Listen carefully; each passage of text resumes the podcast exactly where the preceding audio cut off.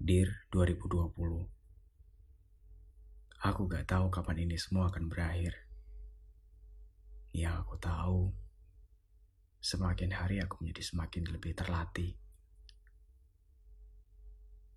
Hal-hal sederhana yang selama ini aku abaikan, kini menjadi sesuatu yang sangat berharga. Awalnya aku sangat membencimu tapi aku sadar bahwa membenci juga tidak akan menyelesaikan segalanya. Aku memutuskan untuk pelan-pelan menjadi pesan yang ingin kau sampaikan.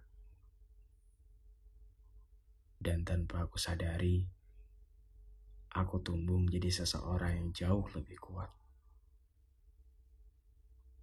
Walaupun resolusi tahun ini masih jauh dari yang direncanakan, tapi kali ini aku lebih siap. Pelukan hangat keluarga yang selama ini aku abaikan, kini menjadi momen emas yang paling aku rindukan. Terima kasih telah mengejarkanku untuk memaknai waktu. Dan dir 2020, awalnya aku merasa kalah karena keadaan dan kini aku sangat percaya bahwa aku, dia, mereka, dan kita semua bisa menjadi pemenang dan melewati ini bersama.